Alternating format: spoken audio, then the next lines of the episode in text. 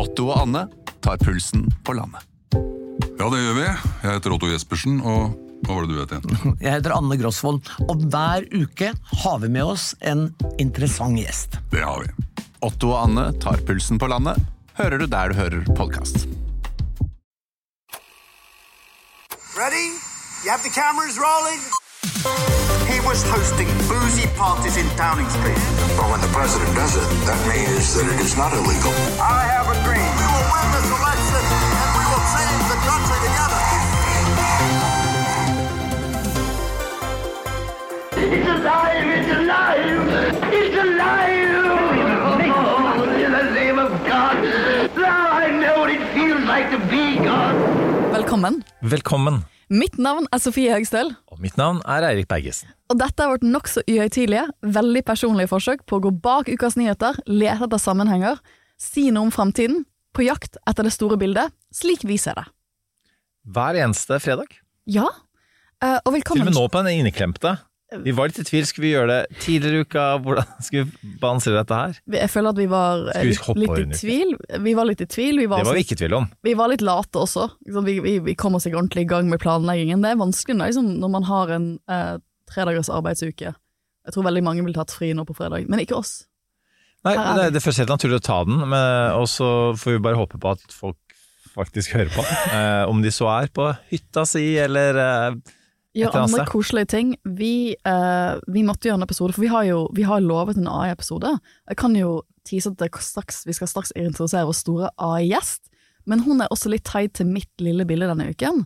Men først, altså eh, Eirik, fordi lytterne våre kan dessverre ikke se alle T-skjortene det går med dette studioet her, men jeg ser at nok en gang så er det en Brann-T-skjorte som er i studio i dag.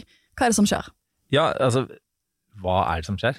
Du, du lurer faktisk på det, du. Nei, vet du hva, jeg, jeg fikk et spørsmål. Du har fått med deg hva som skjer? Ja, jeg, jeg fikk et spørsmål fra min far, som også heier på Brann, som skal ha sin bestekompis fra Handelshøyskolen på besøk eh, for den anledningen jeg antar du går med T-skjorten på, og det er cupfinale.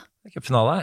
Eh, og sånn at eh, allerede nå i dag, da, i, eh, så kommer jeg til å være eh, tjukk og feit og full og seriegull, eller eh, NM-gull, da, eh, som det jo er da, når man vinner cupfinalen. Eh, fordi i dag begynner det med eh, Spektrum, Rockefeller, og så er det Storkampen på, på lørdag. Og hvis man vinner, så vil jo dette fortsette utover hele helgen. For pappa lurte faktisk på om det skulle på kampen, for han skal på en, av, han skal på en del, en del ting, men han skal ikke på kampen, for min mor kommer litt u... Uh, hun kommer på Hun bor jo hun, er, hun jobber jo ute og bor i New York, men hun kommer hjem plutselig i helgen. Så han må dra, For cupfinalen. Nei. og jeg tror mamma glemmer at vi har liv, så hun bare liksom sånn 'Jeg kommer hjem på kort varsel, dette blir så kjekt'. Og så er pappa litt sånn 'Jeg har på gjester på besøk, og jeg skal egentlig ha sånn skikkelig guttehelg'. Eh, så han skal ikke på cupfinalen. Nettopp. Um, nei, altså jeg, selvfølgelig skal jeg på cupfinalen, men det var, det, helt selvfølgelig er det ikke, for det var jo kjempevanskelig å få billetter. eh, og, eh, Det skjønte jeg og det var derfor pappa spurte. Ja, vi har, den, vi har den godt organiserte foreningen Diaspora Bergensis, eh, og hvis man har litt ansiennitet og har bidratt litt ekstra Jeg har jo hatt, eh, hatt eh, eh, alt fra som leder debatter der, til bokbad. Bok og kok er et konsept i eh, Altså, dette er en lærd gjeng. Eh, det var jo sånn vi fikk Audun Lysbakken i, i poden. Um, så så, så jeg, jeg klarte å få billetter, uh, og skal ha, ha med meg sønnen min, uh, og det gleder jeg meg veldig til det. Så jeg sitter også da i Brann-T-skjorta. ja. Eh, du kjenner kanskje igjen det motivet også? Ja. Det er Brann stadion. Uh, Inge Fossland har designet denne. Eh, Han er faktisk en ivrig lytter, så Hei, hei til deg, Inge. Veldig fin T-skjorte. Kjempe, kjempeflott. Så sånn, det, er, det er litt sånn ekstra stas med den her, eh, den her uh, merchen, så det får sånne eh, folk som oss da, til å kle, kle oss opp i Hvem møter Brann? Vi møter lag som kaller seg Lillestrøm. tror jeg seg Det er Lillestrøm. Grisgrendte strøk utafor ja. Oslo. Et sånn lite sted, ja. Det er bare en gjeng med bønder. Nei, de er veldig, og, nei, tvert imot så er de, det er et bra lag i år, som kan, virkelig kan true Brann. Eh, De kommer ikke til å vinne, men de kan true det, og, de har også en veldig sånn flott eh, supportergjeng. da. Nå skal vi bare nevne at når Audun Lysbakken var så var han veldig opptatt av at man skulle hype det så langt ned som mulig, for problemet for Brann-fans er når man får for høye forventninger, så går det til helvete. Men jeg liker at du bare er motsatt, bare sånn Og Audun Lysbakken, jeg vet du også hører på, sorry, jeg jinxa det igjen. Han er en av de som er på Facebook-gruppen og helt tiden Ikke jinx! Og du må ikke jinxe! Det er mye overtro rundt dette her. Men, men igjen, altså, eh, Lillestrøm er en meget verdig motstander, også Lillestrøm-supporterne, for de er også veldig glad i klubben sin. Så det blir veldig veldig gøy. Det er da det er gøy, når, når ting står på spill, og på en måte de andre også har veldig veldig lyst til å vinne. Da er det spesielt veldig gøy å vinne. Nei, men det blir, Dette blir veldig kok. Det blir kjempe, kjempegøy. Jeg gleder meg til å lese om det i avisen. Eh, for jeg skal ikke, for jeg, jeg holder på med dette boligprosjektet mitt, så jeg skal flytte ut av leiligheten min. Så i dag kommer det egentlig masse flyttefolk, og det skal vaskes ut, og ting skal skje, så jeg er egentlig sånn i full sånn boligboblestress. Så dette, denne episoden her er egentlig et stort lyspunkt for meg, for gjesten, dagens gjest har jeg vært forlover i hennes bryllup. Det er en av mine aller beste venner. Du heter Ishita Barua. Eh, så det å kunne komme hit uh, og få lov til å snakke om AI med Ishita uh, en times tid, det er det store høydepunktet for meg denne uken. For det at um, vi har jo teaset at vi ville gjøre en AI-episode, og da er det jo en person jeg selvfølgelig aller helst vil snakke med, og det er Ishita. For det, Ishita, du har en veldig lang CV. Vi skal ikke ta hele CV-en din um, her og nå, men du har da altså Du disputerte med en doktorgrad i kunstig intelligens og medisin i januar fra Universitetet i Stemmer, Oslo. Der har du også legeutdanningen din fra. Du har forsker, eh, du har hatt forskningsopphold på Harvard som Fulbright-stipendiat. Du har vært på sånne lister, sånn 50 kvinner i tech-lister. du har vunnet priser for forskningen din. Eh, og forskningen din handlet om kreft og hvordan man kan bruke AI i kreftscreening. Stemmer. Stemmer. Eh, har jeg oppsummert mye av CV-en din nå? Det var helt perfekt. Skulle tro du hadde brukt uh, ChatGPT, men uh, det har du ikke. For jeg vet at uh, Jeg sjekket jo meg selv, selvfølgelig. Å nei, den kunne ingenting om meg. Så jeg bare nei, jeg vet at dette kunne du fra før. Du glemte å nevne at mannen til Ishita er fra Bergen. Ja. Og Ja, ja. jeg har kun snakket om at han må være med i Diaspora Bergensis, og ikke interessert meg i AI-kunnskapen din enda. Men jeg er veldig veldig glad for at du er her. Og det, altså, hva for å si det sånn, det vi også tenkte med at gitt at kanskje en del folk er på hytta og ikke på en måte i tankevirksomhet eh, nå -hmm. på slutten av uka, så tenker jeg en, en AI-episode tror vi at er litt sånn crowd pleaser. For det er det veldig mange som er opptatt av. Og det er veldig veldig mange som har vært opptatt av det. La oss si kanskje spesielt det siste året pga. chat-GPT, men du har jo eh, på et langt tidligere tidspunkt tenkt at dette var en god idé å forske og vie livet ditt til. Det stemmer. Ja, for jeg møtte deg idet du skulle begynne med doktorgraden din. Jeg husker første gangen du eh, forklarte meg doktorgradsprosjektet ditt, så var jeg sånn Shit, det høres veldig kult ut. AI, sikkert vel, liksom, kjempebra å bruke AI, kreftscreening. Ja, skjønner jeg helt hva AI er? Nei. Men dette høres veldig bra ut. Eh, og så har jeg hørt mye om prosjektet opp gjennom årene. Og liksom, du, har liksom, du har reist til Japan, du har reist til alle forskjellige landene for å liksom, få inn eh, data og liksom gjort masse greier, og jeg har vært veldig imponert. Men så har jeg ikke helt egentlig skjønt hva du driver med. og så har du jo sagt at liksom, du, tror, du tror AI blir veldig jeg må også nevne at du er vara til Bioteknologirådet. Det stemmer. Eh, og at jeg husker en av de første kronikkene jeg leste det handlet om at vi trengte et sånn bioteknologiråd for algoritmer og Ja, et tilsyn for et tilsyn kunstig intelligens. for kunstig intelligens. Og da var jeg sånn, igjen leste den kronikken og var sånn, ti av ti, bestevenninne, kjempesmart. Men jeg skjønte det ikke helt. Men hvor, hvorfor skjønte du at dette kom? Og det synes- jeg synes det var spennende, var at jeg var jo i doktorgradsmiddagen din, og det virket jo også på meg, som da var i januar, og det virket jo også for meg som en del av kollegene dine, dine nærmeste kolleger, heller ikke helt hadde skjønt denne AI-tingen. Ja, ja. Og, så, og så kommer liksom, du leverer doktorgraden din um, til, i fjor sommer, det tar jo seks måneder, sånn er det jo når du leverer doktorgrad, det tar seks Ja, måneder før du skal forsvare den. Um, og så liksom, innen du skal forsvare den, så er det det største som skjer. Ja.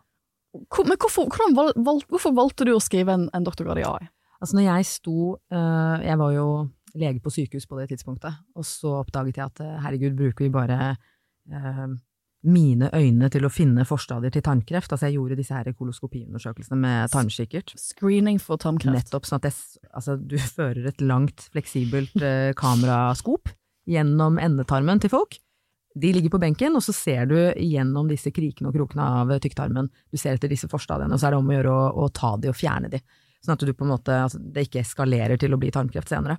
Og så tenkte jeg, ja, men hvis jeg har en dårlig dag, hvis jeg blunker, så kommer denne pasienten om 10-15 år, og så sier ja, du, du, eh, du oppdaget ikke den kreften. Nå har jeg kreft på grunn av deg. Altså ikke at jeg er så veldig redd for det, men jeg er veldig redd for å ikke gjøre en god jobb. Så jeg tenkte at det må da finnes bedre løsninger enn bare å, å være liksom helt avhengig av den legen. Så om du ikke har fått kaffen din, om du sover dårlig, om du bare rett og slett blunker litt for lenge, tenker på noe annet. Du kan til og med sitte og se på et forstadie, og så er tankene dine et annet sted. Så tenkte jeg herregud. Så det var det som fikk meg inn på, på tanken om at jeg må se etter forskningsprosjekter som, som løser et problem. Og så dukket det opp, faktisk bare med finansiering i åtte måneder, det var ikke engang et helt doktorgradsprosjekt, og det var ingen leger som hadde tro på dette her på det tidspunktet i 20... Og det er ikke så lenge siden. Nei, det er ikke Vi snakker om 2018, 2019. Nettopp når jeg begynte å se på det. Uh, og så, men så tenkte jeg vet du hva, dette har jeg lyst til å forske på. Det er ikke en hel doktorgrad uh, per i dag, men jeg bygger det ut. Jeg er sikker på at dette her blir fremtiden. Eh, fremtiden er rett og slett at leger får hjelp til å, til å prestere på sitt beste. Sånn at jeg gikk inn i det. Det var litt sånn kolleger som bare er du, er du helt dum? Du kan jo bare fullføre spesialiteten, hvorfor vil du forske nå? Du er så nærme. Så jeg, men Ja, for du er, har nesten blitt spesialist i ja, jeg hadde, jeg hadde bare noen få år igjen, Uh, sånn at det naturlig ville være å fullføre og så gjøre det her, mens jeg tenkte nei, dette er jo det jeg, jeg, jeg brenner for å finne ut av dette her. Uh, sånn at jeg hoppet ut, begynte på forskningen, og selv da så var det folk som sa ja, hva er kunstig intelligens? Altså, det skjønner jeg at det spørsmålet kom, men hva er det du egentlig driver med? Altså, det er jo egentlig ikke intelligens, dette er jo bare tull, det er jo bare at vi lærer datamaskinene eh, på en måte noen gode formler for hvordan de skal finne disse tingene tenkte jeg nei, det, er- det er ikke helt sånn. Altså optimalt så, så skal det fungere på en måte hvor, hvor du på en måte bistår legene til å bli enda flinkere, sant. Eh, også det at mye av den legehverdagen jeg hadde, besto av å trykke rundt på tastatur og se inn i dataskjermer. Sånn det, det var ikke så mye direkte pasientkontakt. Mesteparten av tiden handler om å liksom holde ryggen fri og dokumentere alt man gjør. Litt sånn defensive medicine, som det heter på engelsk, eh, hvor du bare rett og slett gjør ting for å dokumentere. Så jeg, jeg tenkte ok, det er jo et hav av ting vi kan bruke kunstig intelligens til. Både det å liksom finne kreft før det blir til kreft, til å automatisere noen av prosessene. Altså jeg ønsket meg eh, egentlig nesten et sånt forenklet båndopptakssystem på akuttmottaket, istedenfor at jeg hver gang jeg har vært inne hos en pasient, går innom en datamaskin, en stasjonær en, for å skrive ned alt jeg har funnet. Kan ikke noen bare ta det opp, få det oversatt til tekst, og så kan jeg gå fra pasient til pasient, istedenfor at jeg går fra pasient til datamaskin til pasient. Det er, det er jo på en måte en tidstyv. Eller enda verre at uh, legen med en penn skriver noe som er helt uleselig for Ja, ja. alle andre enn en legen, og da begynner, altså, får du faktisk den riktige medisinen da. Nettopp. Men kan jeg si en sånn her, eh, fullstendig sånn legmannsblikk uh, på dette her? Jeg, jeg leste et sted at, uh, eh, at i, på jakten etter da, en, en, mer fullkommen kunstig intelligens, Ja. altså noe som faktisk er intelligent, Nettopp. så har man gjort noen del sånne der, um, eh, falt ned i noen fallgrubber, blant annet at eh, man, man oppdaget at den, en eller annen maskin som um, Merker at jeg ikke er ekspert på dette. En eller annen maskin hadde, hadde funnet ut at eh, et av de viktigste tegnene på, på kreft, f.eks. føflekkreft, var eh, tilstedeværelsen av en linjal. Fordi Ja, alle ja, ja, ja. bildene av føflekkreft har jo sånn linjal for å vise størrelsen. Så når du hadde generert eh, disse bildene, så hadde da i den kunstig intelligente, nå lager jeg sånn gåsehender, eh, maskinen funnet ut at eh, hvis det er en linjal til stede, da er det kreft. Altså, når man tenker på det, veldig, veldig dumt. Og så tenker jeg litt mer på det. Det er jo sant, for alle bildene vi mater dem, er jo med linja for at vi skal på en måte skjønne hvor stor er den. Det er vår feil. Det er jo vi som er dumme som har, som har gjort det der. Men det har dere løst, håper jeg? Ja, ja, ja. Det å, det å for eksempel se forskjell på hund og ulv, og så skjønner maskinen at ja, hver gang det er snø på bildet, så er det sannsynligvis ulv og ikke hund. Så sånne ting, sant? Men, men, men la oss begynne med det første store spørsmålet jeg har til deg, og det er et stort spørsmål. Det er hva er egentlig AI? AI, altså kunstig intelligens, det er, du kan definere det på en veldig bred måte. Det er eh, når eh, digitale systemer eller datamaskiner er i stand til å løse komplekse oppgaver på en måte som eh, før var forbeholdt mennesker. Så, det er, så du, du sier sånn, for du sa, til, du sa nettopp at, at uh, kollegaene dine var sånn, ja, har du ikke bare matet dataen med en sånn algoritme for å kjenne igjen bildene? Det er ikke kun, Hvorfor er det intelligent? Altså de, de omtalte det som om det var en kalkulator, hvor det bare Ja. på en måte er veldig sånn ja, to pluss to, det er fire. Mm. Den, den gjør det den får beskjed om. Men med kunstig intelligens så har, du, så har disse digitale systemene en evne til å lære av erfaringer og til å gjøre og utføre komplekse oppgaver. Så det å plusse to pluss to, det er på en måte ikke en kompleks oppgave, det er en kommando, og så får du ut et svar. Mens med maskinlæring, som er en av undergruppene, altså du kan si at kunstig intelligens er en, er en samlebetegnelse på mange teknologier. Uh, og da er maskinlæring, sånn som navnet sier, en måte for maskinen å lære seg fra, fra mye data, da.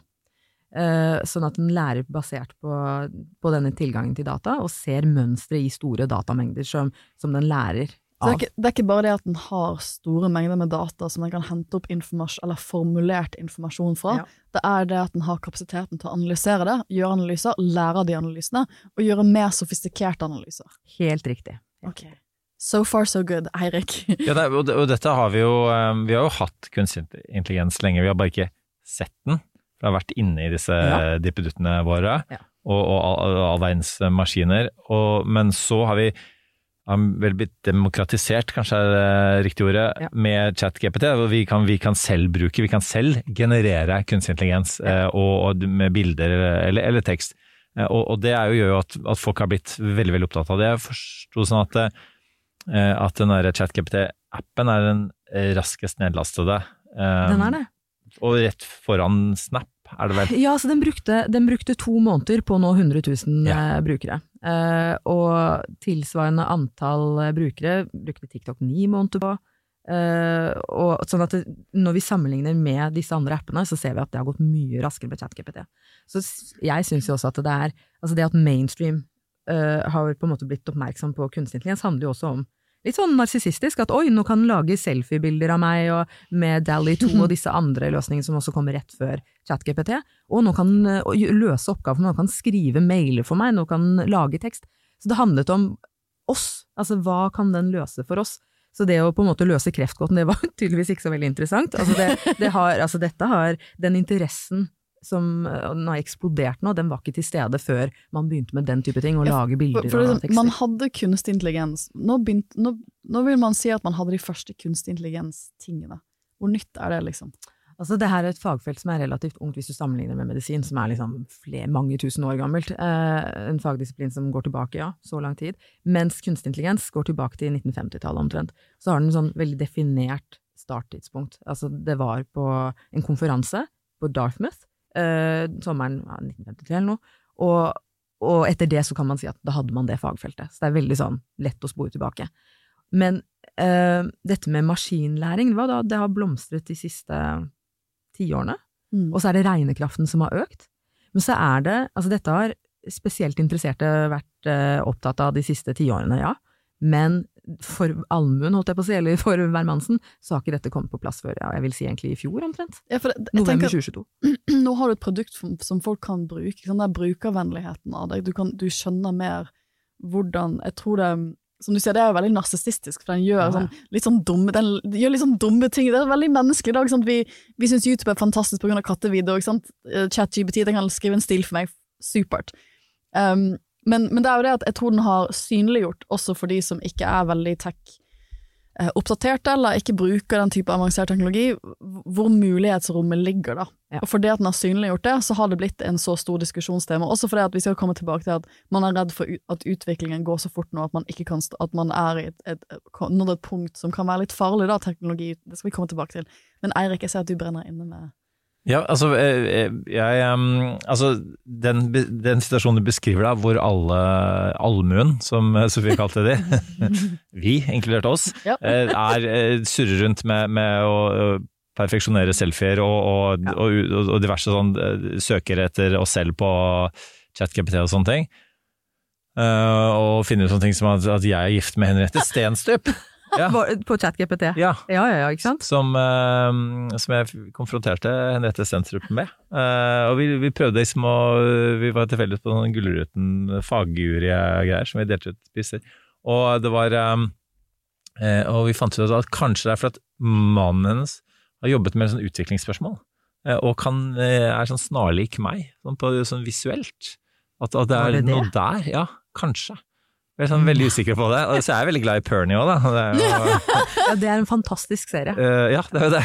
Så, um, men eh, nei, men eh, altså, mens vi surrer rundt med dette her, så, så er det jo um, sånne som deg, som jo er ekspertene, da, og som skal på en måte um, lose oss videre gjennom dette her. Men det er foreløpig ganske Dere er, er ikke veldig mange, er det det? Nei, det er ikke det. Og det er jo også noe jeg vil oppfordre folk til. Altså, jeg bruker det uh, Jeg bruker det daglig, faktisk.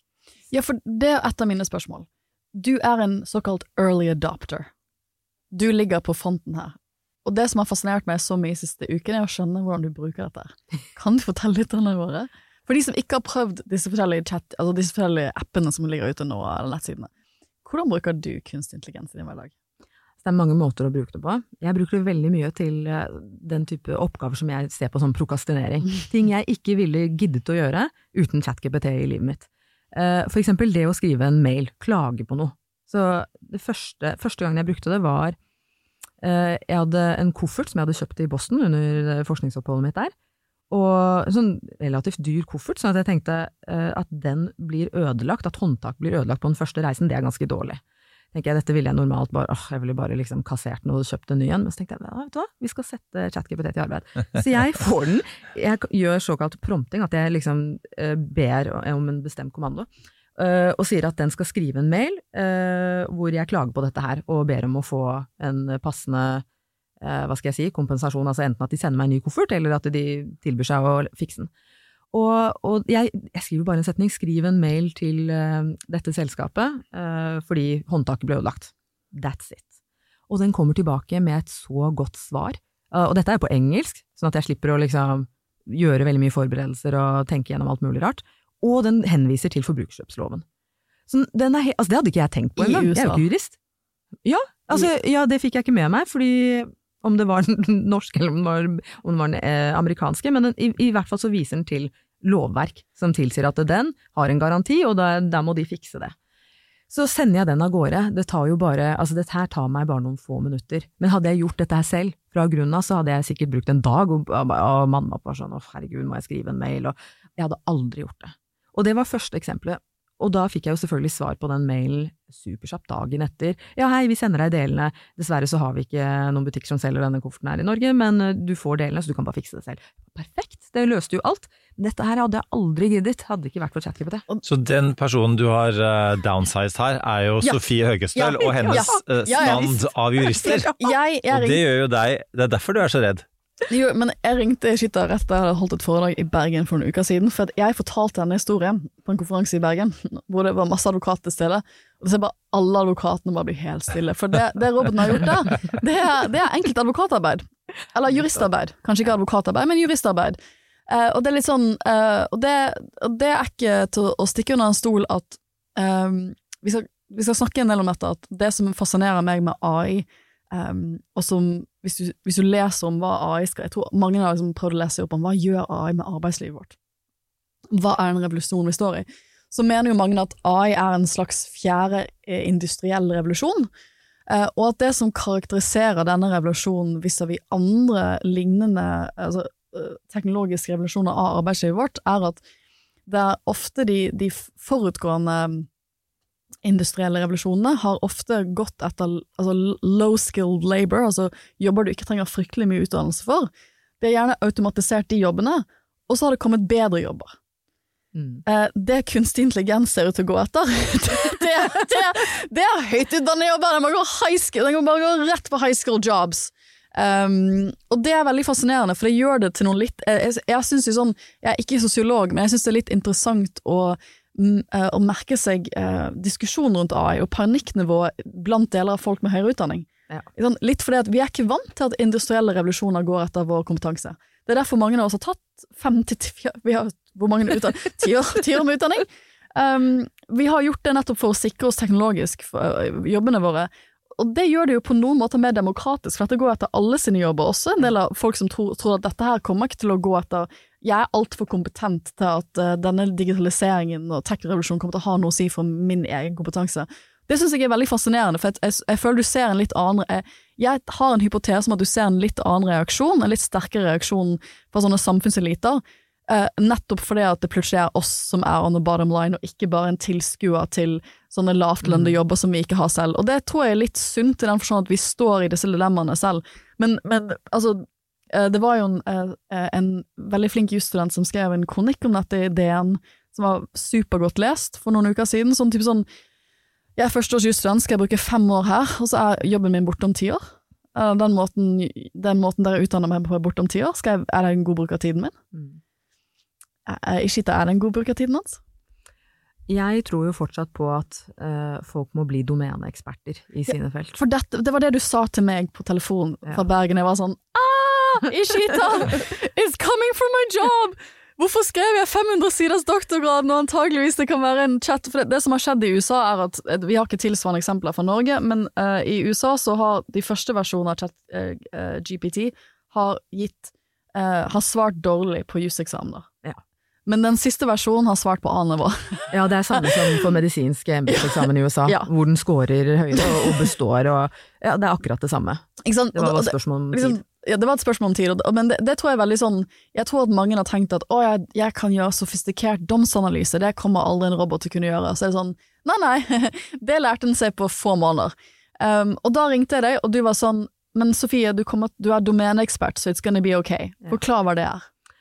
Altså Tingen er, eh, med alle disse, altså ta ChatGPT for eksempel, eh, det er jo veldig ofte, altså det kommer mange eksempler på uh, prompter hvor du spør om noe, og så får du et svar som er falskt, det er feil, det er løgn, det er ren hallusinasjon.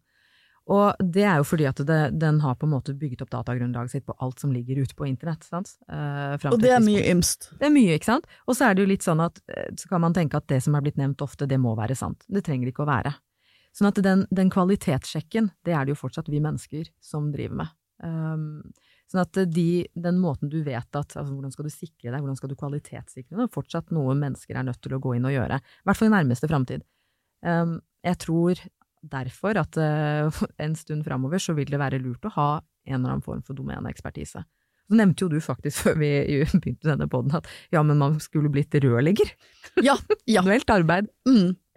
Det tror jeg, altså jeg, vet du hva, jeg har faktisk lenge tenkt at men vi leger, altså jeg, jeg har måttet gå ut og avkrefte disse mytene om at ja, vi også kommer til å miste jobbene våre. Jeg tenkte sånn, herregud, det er jo ingen som kommer til å la eh, maskiner og roboter, Dr. Terminator, drive og operere deg, det er ingen som gjør det. Ingen som kommer til å gå om bord på et fly uten en eh, menneskelig pilot. Det var det jeg tenkte. Og så har jeg, har, men de- den siste tiden, jeg har blitt utfordret på det der. Jeg tror faktisk at vi kommer til et punkt hvor, hvor vi egentlig lurer på hvem, hvem er sjefen, er det, er det legen som skal ha det siste ordet? Må vi ha en pilot på fly? Er det ikke bare snakk om at vi må bli vant til at, at vi blir utfordret på det? Kanskje godtar vi det? Men apropos rørleggere, da. Altså jeg som eh, tidligere leder i sameiet der vi bodde før, så fikk vi et sånn kloakkproblem. Jeg skal ikke utdype det veldig, eh, men det var noe med tilgangen til hovedkloakkanlegget som ja, det kom i retur, da, for å si det sånn. Eh, og, og vi hadde, vi hadde en- et rørleggerfirma der, og de, de var inne med kameraer, og altså det var så teknologisk sofistikert. Eh, og jeg har, jeg har hjemme har jeg en sånn CD-rom med video fra altså driten til vårt Det er det samme som jeg gjorde, bare på mennesker, altså koloskopi. Ja, ja, sant. Det jo, Ja, det ikke- så det er jo det er kanskje ikke, det er ikke helt eh, ulikt, eh, dette. Sikkert mye av det samme utstyret. Ja. Men altså, men, det, det som er eh, Vi, vi skal komme litt mer inn på om, om dette er positivt eller negativt, jeg vil si det, hva som er positivt og hva som er eh, negativt. Men eh, mens vi fortsatt er sånn på å definere eh, kunstig intelligens, da, altså den intelligensbiten, den har jo der har, har det vært ymse, så, så, som vi er inne på, både for at jeg har generert eh, fra internett, og for også å møte med mennesker da, på internett. Sånn som eh, Microsoft hadde jo en sånn AI-chatbot eh, som da skulle måtte trene seg selv til å bli smartere ved å interagere med mennesker på Twitter.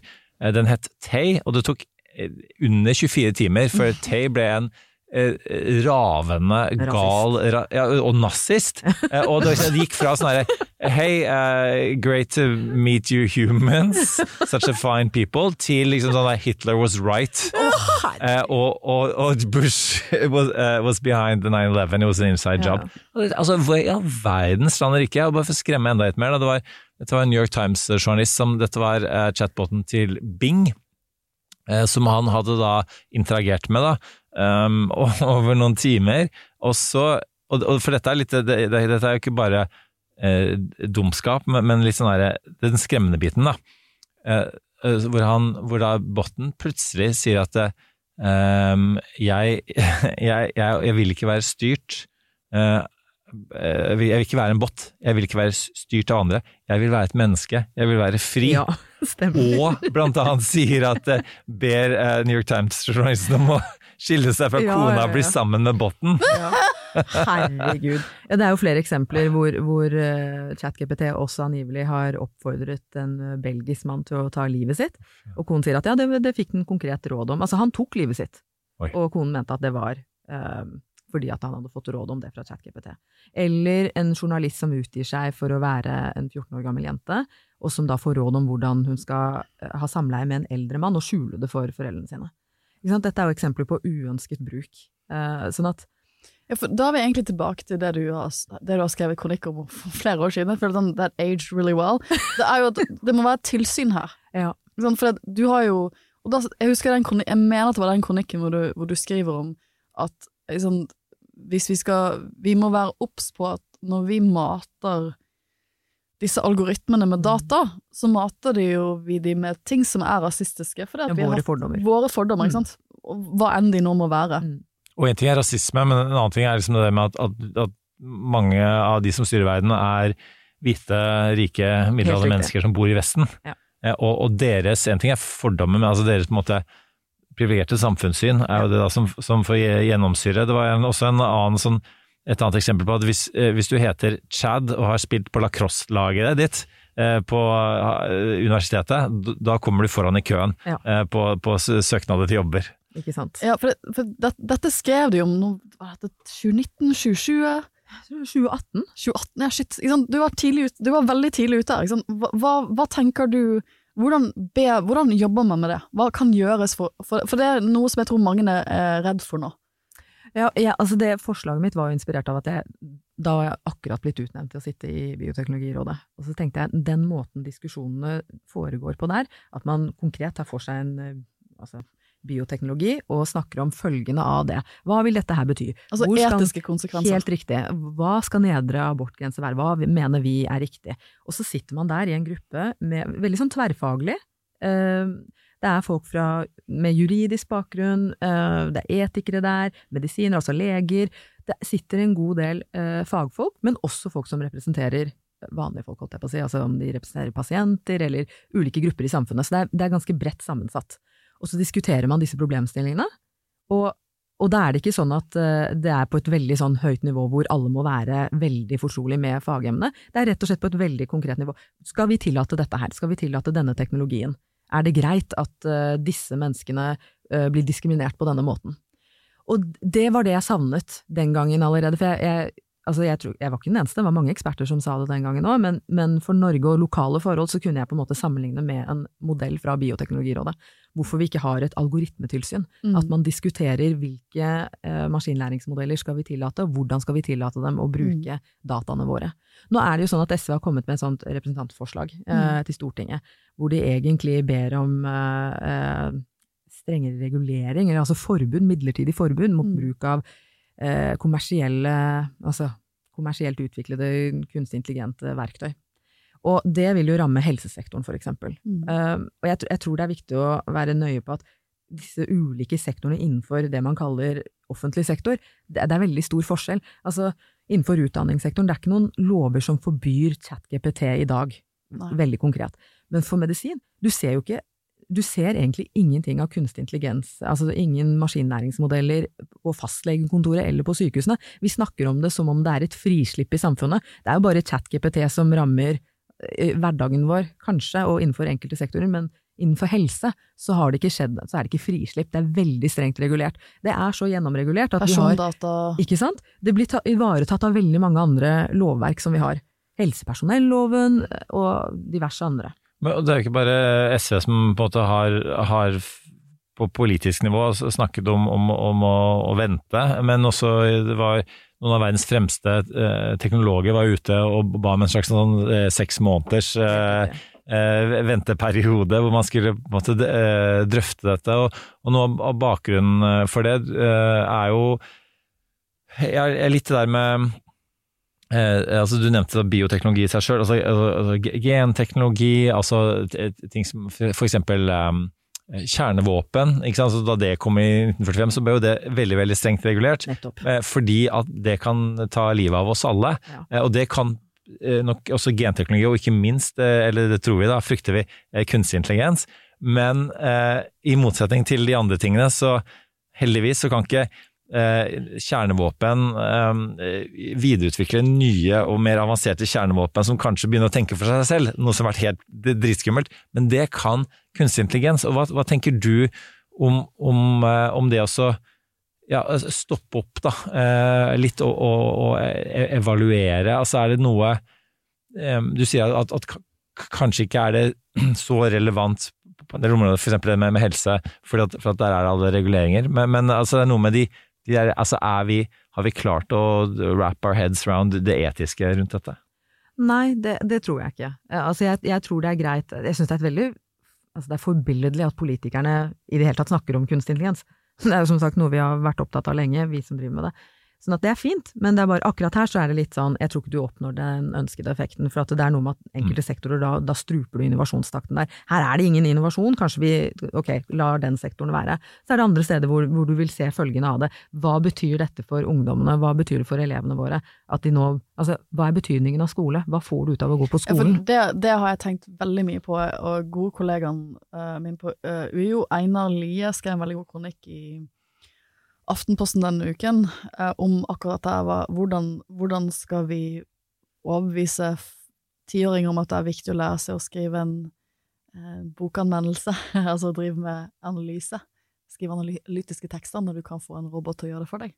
Ja, og Han skriver jo også dette med at eh, altså vi, dagens ungdommer blir dårligere til både å skrive mm. og lese, og så konkurrerer de nå mot AI-er som er nettopp veldig gode på å skrive og lese. Og hvis ikke vi er gode på å skrive og lese, så er er vi enda dårligere til å kunne mestre denne teknologien. Helt enig. Men det er litt sånn, hva er det jeg frykter med kunstig intelligens? Det er, det er to ting. På kort sikt så er jeg redd for mer eh, følgende av eh, på en måte fordommer som reproduseres. At, vi, at datagrunnlaget består av Mm. ubevisst diskriminering, og vi, vi er ikke klar over det selv, og så mater vi store maskinlæringsmodeller med dette og så får vi ut enda mer diskriminering i andre enden. Så det blir en forsterking av våre dårlige sider. Det er det på kort sikt jeg er redd for, i hvert fall innen helse. At du har Allerede nå så ser du at det er minoritetsgrupper som ikke er representert i dataene når man gjør store forskningsstudier, og så får man et utfall hvor man tror at dette vil være bra for alle, men du har egentlig basert det på ganske dårlige data. Sånn at du, får, du oppnår ikke det du ønsker. Medisin er vel allerede, allerede et område hvor man forsker mye mer på, på menns eh, lidelser. Menns lidelser, mye mindre kvinner, og enda mindre kanskje da hvis du er kvinne og med minoritetsbakgrunn, så er det enda verre. Eh, Sånn at jeg tror at det, det er på kort sikt det jeg frykter der. På lengre sikt så er jeg mer redd for implikasjonen av, av altså hva gjør det med samfunnet vårt at vi, at vi blir så late og irrelevante i våre egne liv. Altså det var, Jeg leste eh, kronikk i Financial Times ganske nylig nå. Eh, Tim eh, Hva er det han heter, da? Ja, uansett. Det er, eh, han snakket om uh, timeteren til å fornavn. Og så Tim diskuterer han Berners-Lee, oppfinneren av internett. ja, det var noe annet, Horton eller eh, et eller annet sånt noe. Uansett, så skriver han om dette her med at eh, Timothy Chalamet, hovedpersonen. i Dune. Kunne sikkert vært det. Men han skriver om uh, hvordan ungdommer nå til dags eh, leverer uh, skoleoppgaver og lekser ved å bruke ChatGPT. Og de er blitt så late at i ett eksempel så var det en eh, ung herremann som hadde levert en sånn, et essay, og på toppen av det essayet så, så står det svaret fra ChatGPT. Dette er utenfor mitt område, jeg kan dessverre ikke analysere denne teksten, eh, men her er noen gode eh, retningslinjer for hvordan du skal analysere teksten. Han hadde ikke engang giddet å lese, Å lese svaret fra svaret. ChatGPT. Og læreren hadde jo bare svart tilbake ChatGPT, prøv å formulere et svar eh, med egne ord. Altså, det er jo helt håpløst. Så det han peker på der, er at vi har blitt så Altså, vi gjør oss selv irrelevante. Vi gidder ikke å ta oss bryet med å gjøre disse enkle tingene. Vi bruker, vi må, vi må huske på at det skal være et verktøy, det skal ikke erstatte faktisk intelligens som vi har. Eh, så det er på en måte det jeg er redd for i det lange løp. Ja, for nå er vi tilbake til dette med domeneekspert. For det, etter den samtalen vår så har jeg tenkt mye på dette, at hvis vår rolle um, i, på sikt er å være mer medskapere med AI, at jeg har AI-forskningsassistenter liksom roboter som hjelper meg med grunnforskningen min, og så medskaper vi sammen, og jeg, jeg, det, jeg har domeneekspertisen, det er jeg som kan skjønne at er denne domsanalysen treffende eller ikke, er disse langene, liksom, det er jeg som styrer det, men jeg, har, jeg bruker AI mye mer innovativt uh, i min forskning. Sånn. Men for at jeg skal komme på et domeneekspertisenivå, da må du jobbe mye. Da må du lære deg avansert analyse. Du må, evne deg, du må evne å lære deg avansert analyse. Og når, liksom, når jeg gjorde sånn PED-kurs, eh, da jeg ble fast ansatt, så, jo, så, så har man en sånn pyramide. Sant? Du har sånn ganske overfladisk læring hvor du leser noe, du kan kanskje forklare litt av det. Og så har du liksom dypere læring, hvor du kan gjengi noe, og du kan bruke det aktivt. ikke? Så, sånn, så, så den toppanalysen er sånn, den toppnivået på læring er når du kan drøfte noe dypt. Du kan gjøre dyp tenking rundt det.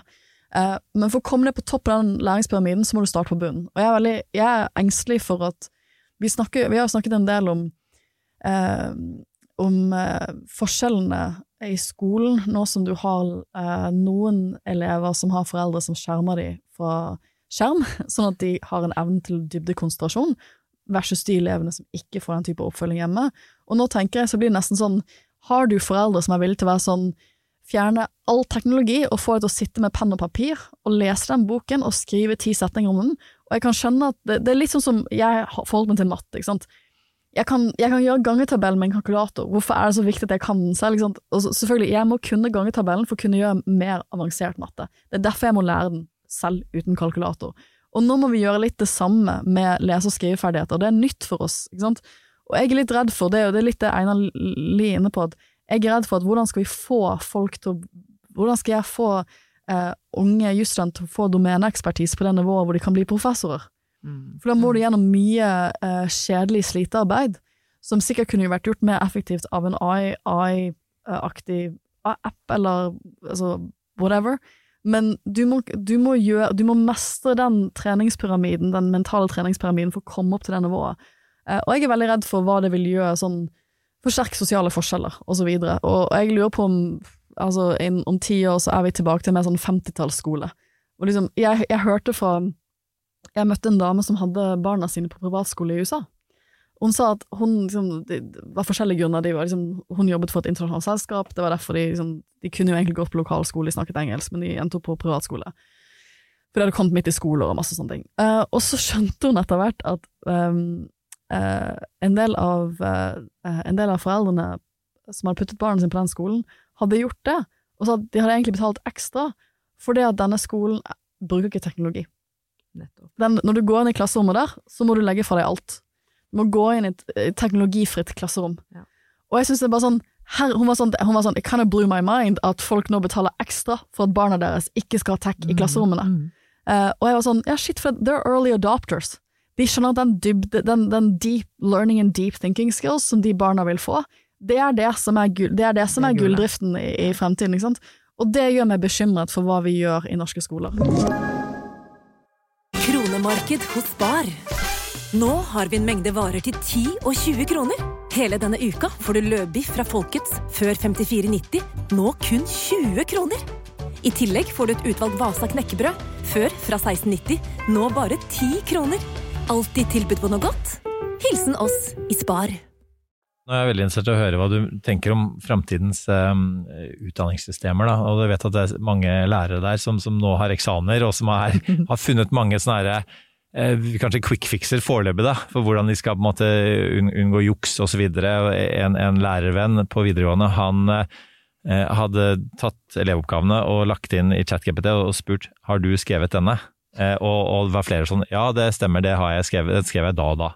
Eh, som er sånn kjempe altså det, altså det Foreløpig er lærerne, enkle lærere, i hvert fall smartere enn elevene sine. Ja. Eh, Men, men vi vet at ungdom også er veldig tech-savvy, sånn at de kan nok Det er et spørsmål om tid før de blir flinke til å bruke teknologien enn eh, oss voksne.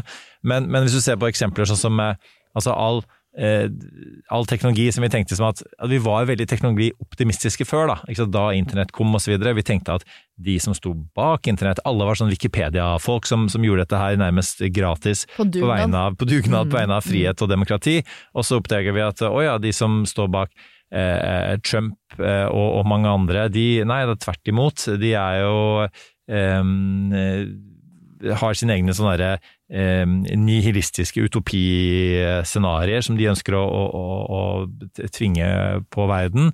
Eh, vi har sett hvordan eh, Altså bare når QAnon eh, blir eh, leste en artikkel om, om hva når de begynner å bruke kunstig intelligens. Ja, det, Eh, det er mitt verste ja, og disse Q-drops-greiene som kommer på Twitter, hvis det kommer sånn maskingenerert Ja, for- hele tiden og Ja. skaper altså, det skjer nye sånn Altså nye sånn ismer, da. Ja, altså, dette, dette er sånn jeg, jeg prøvde å klassifisere i går sånn, hva er forskjellig kritikken av AI, og så er det selvfølgelig sånn den, Eller hva er forskjellig fryktene med AI? Og det er mange ting. sant? Eh, hovedfrykten er jo selvfølgelig at vi ender opp i Terminator 2. And the robots are killing us. Ikke sant? Men det, Eller Westworld. eller Westworld. Ikke sant? Det er sånn det, det, det, og det, det scenarioet kan ikke jeg helt forholde meg til, for jeg kan ikke, jeg kan ikke gjøre noe med det scenarioet. Det, det scenarioet for meg er så fjernt. Men scenarioet under der, som, hvis jeg skulle kategorisere ting som bekymrer meg, scenarioet under der er jo alle eh, de sikkerhetsmessige utfordringene som AI nå byr på i form av desinformasjon, i form av, eh, av Altså i form av hacking, i form av overvåkning. Eh, jeg er sånn Vi skal jo ha valg i Norge om noen måneder, det er valg i USA til neste år. Eh, det, det er veldig morsomt å se på TikTok-videoer av at folk har fått Kanye West til å synge på norsk. Dritgøy. Brukt stemmen hans, han synger på norsk. Ikke sant? Kjempemorsomt. Lættis. Men det betyr jo at det er ekstremt lett og gratis, så å si, for noen for eksempel, å lage en episode av Det store bildet hvor Eirik og jeg med våre stemmer hyller nazismen. Jeg sier at jeg stiller til valg for Venstre fordi jeg elsker nazismen. Eh, sant? Nå har jeg gitt soundbiten også, men, men eller at du får en telefon? Og, og så er det faren din sin stemme, og du har en helt normal samtale med faren din, men det er ikke faren din som ringer, det er en, kunst, det, det, det er et, eh, det er en eh, sånn eh, evil kunstig intelligens fra Kina.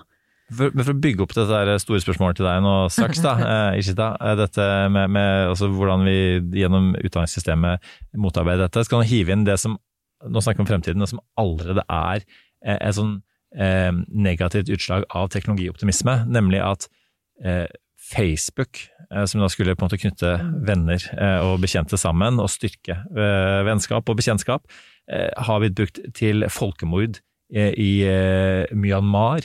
At Instagram daglig brukes til å ødelegge unge kvinner og menns selvbilde, og med de konsekvensene det har. Så på en måte det er helt åpenbart at det er ikke bare positive og negative ting med dette, her, men liksom, da, hvordan kan man gjennom utdanningssystemet eh, gjøre noe med de negative tingene?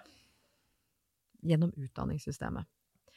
Jeg tenker jo for det første så må det en, en eh, generell folkeopplysning til, altså at man må forstå grunnleggende hva kunstig intelligens er, hvordan det kan brukes. Altså mye av disse problemstillingene som vi står i nå, til del sto vi også i dem når internett kom. Altså, da også måtte lærerne forholde seg til at ja, nå kan jo elevene bare gå på internett og finne noe på Wikipedia. Eh, og så er det blitt mer komplekst i dag. Så jeg tror mange av løsningene vi er nødt til å se etter, eh, er det politikere og myndighetspersoner som er nødt til å ta til orde for. Det forsøkte de jo nå med, med en høring i Kongressen, hvor Sam Altman, som er leder av OpenAI, som står bak ChatGPT, eh, ble bedt om å svare på spørsmål. Og det han var bekymret for, var jo nettopp dette her med desinformasjon, og hvordan det på en måte eh, skaper ekkokamre foran det amerikanske valget. Sant? At det var det som var hans store bekymring. Og så leser jeg i etterkant at, at politikerne sannsynligvis ikke kommer til å regulere det i USA. De Nei. kommer nok ikke til å lage AI Act i en amerikansk versjon, sånn som Europa nå lager og går inn for. Ja, For EU gjorde det til 2021. Ja, begynte begynt arbeidet, og, Mm. og, og det det er veldig merkelig, samtidig som jeg også skjønner det, fordi at de er livredd for å strupe innovasjon. Der er Ja, for. Her, for det, nå er vi tilbake til det store, sånn, store verdensbildet. Her er det et veldig reelt teknologisk kappløp på gang.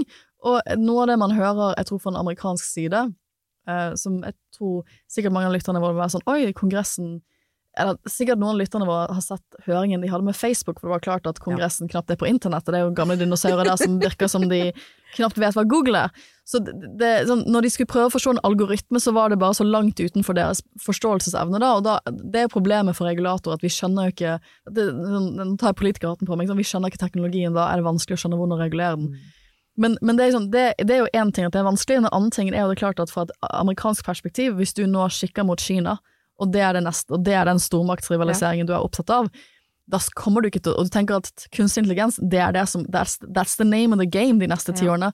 Da har du ikke lyst til å strupe dine egne tekstselskaper og ta deg ut av den, uh, den veldig reelle kampen de er i med Kina. Helt riktig. Og så hiver inn for øvrig også at Norge med Emilie Enger Mehl som justisminister nå har tatt til orde for det samme, da. Ja. En, en, en gjennomgang av disse tingene her.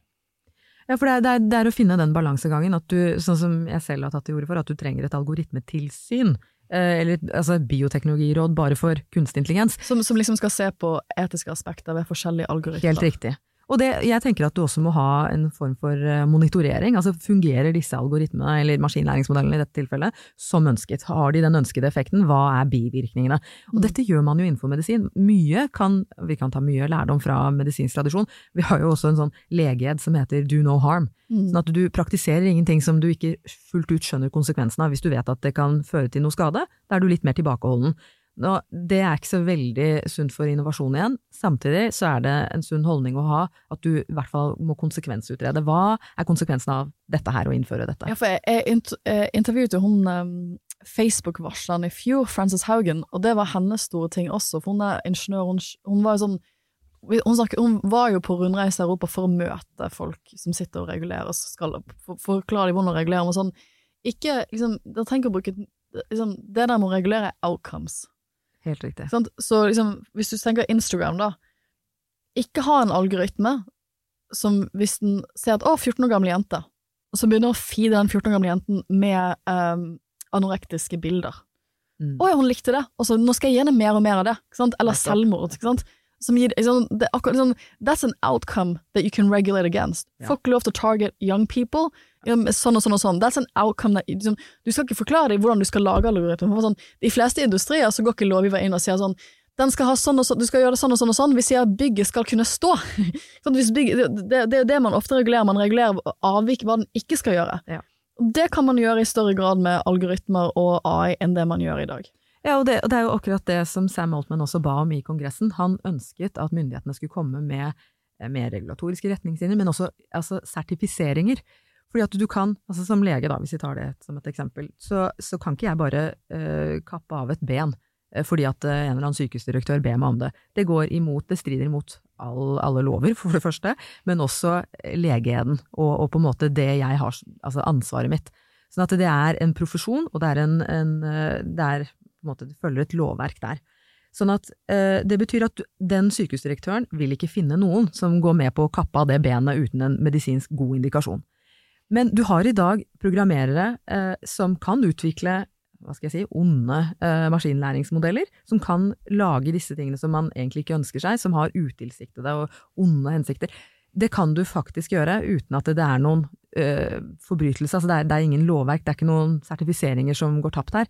Og da, da har du i realiteten fått et system hvor, hvor arbeidsgiver kan eh, bare gå til nestemann. Altså hvis du ikke ønsker å Ja, utvikle den maskinen. det, er ofte folk som jobber på kontrakt, kontraktvirksomhet, eller eh, Og det, det synes jeg det er veldig interessant det du sier nå, for jeg skulle si at en sånn hierarki av ting som AI utfordrer, det er store trussel, liksom sånn, det store, liksom, store trusselbilder, sånn eh, evil AI, AI og, liksom sånn, og sikkerhetsgreiene og, videre, men en av de tingene jeg synes er interessant, er at det bringer jo opp humanistiske og humaniora Ja. og etiske vurderinger som viktig. Sånn. Her vil vi jo egentlig at folk som har gått datalinjen, dataingeniørlinjen, Mm. skal eh, ta litt mer filosofi og Ja. etikk. Og ha, Og- og ha- ferdigheter innenfor etisk eh, Ja. diskusjon, og også drøfting. Så det, det er helt klart, dette er jo noe som veldig mange sier, at vi, hvis vi skal få et tilsyn, da, så er vi nødt til å få flere ved bordet, ikke bare utvikle, utviklerne. Vi er nødt til å ha de med domeneekspertise innenfor etikk, juss. Uh, sånn at det er Vi har behov for alle her. Ja, for det er interessant, for du har jo da blitt Hele din utdanning har jo vært denne etikken, denne legeetikken i ryggmargen. Hele utdanningen din. Mm, mm. Når vi skal, Lillebroren min holder på å søke høyere utdanning, og han, liksom, han tenker jo på dataingeniør. Eh, og da lurer jeg på sånn, burde dette her, liksom, burde hans yrkesgruppe da, som skal ut og regulere og lage disse, disse algoritmene, trenger de en like sterk yrkesetikk fremover? Ja, det gjør de. Altså, jeg, jeg, jeg tror at vi kommer til å få det. Nå virket ikke Kongressen så veldig positiv til det, men jeg tror det er det vi kommer til å se. Vi kommer til å se et uh, behov, og også et krav om at man må ha disse sertifiseringene på plass. Sånn at du på en måte med loven i hånda utvikler uh, maskinlæringsmodeller som faktisk er til nytte for folk, og ikke bryter med amerikansk eller norsk lov. Så jeg tror det kommer. At det betyr egentlig at den, den eh, generelle grunnutdanningen etter hvert må få innslag av opplæring i både kunstig intelligens og teknologien bak, men også etikken og alle de dilemmaene som man kan stå opp i. Det var mitt hjerte, min hjerteutsending til alle mine kollegaer innenfor eh, humanistiske fag, at liksom dere er kjemperelevante i denne teknologirevolusjonen. Men jeg, skal, jeg tenkte vi, vi skal runde av snart, det er så mye vi kunne snakket om. Men jeg har lyst til å snakke litt positivt til slutt. For jeg tror Ja, for, det, nå- føler jeg kanskje det ble litt uh, mye Men- av, av men- alle men det, men det, men det, er litt, det er litt fordi jeg tror at veldig mange av oss som ikke har skjønt dette før, våkner opp til Og så da våkner man, og man ser jo noen muligheter, men jeg skjønner jo ikke alle mulighetene.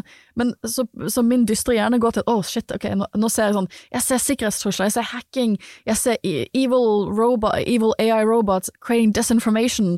Jeg ser alle disse greiene her, men jeg greier ikke å ha en sånn visjon for alt det kan hjelpe meg med når det, når det er sagt, du har allerede gitt meg en veldig positiv visjon, og det er å bruke AI til å skrive e-poster, for jeg er veldig dårlig på å svare på e-post, så det er en veldig positiv uh, visjon.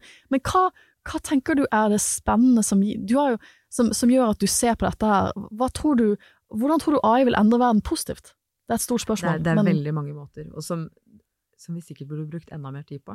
Men det er jo, altså gjennom et helt liv, altså innenfor det medisinske, de fremskrittene vi gjør der, Eh, at vi er i stand til å bruke det selv før unnfangelsen. At vi klarer å bruke maskinlæringsmodeller til å plukke ut de eggcellene og de spermiene som, eh, som, er best egnet til å lage et foster. Vi er i stand til å lese av genomdata, altså veldig eh, altså arvematerialet vårt og, og, sykdommer, lete etter sykdommer der. Eh, det er ting som tok kjempelang tid før, men som nå maskiner kan gjøre på mye, mye kortere tid. At vi er i stand til å også forstå hvordan proteinfolding foregår. Altså livets bestanddel. Dette er en av liksom, de store holy grails innenfor biologien, at vi er i stand til å forstå strukturen, 3D-strukturen på proteiner. Det gjør at vi også kan skjønne hva slags type behandlinger er det vi kan lage i fremtiden. Vi kan finne frem til nye antibiotika.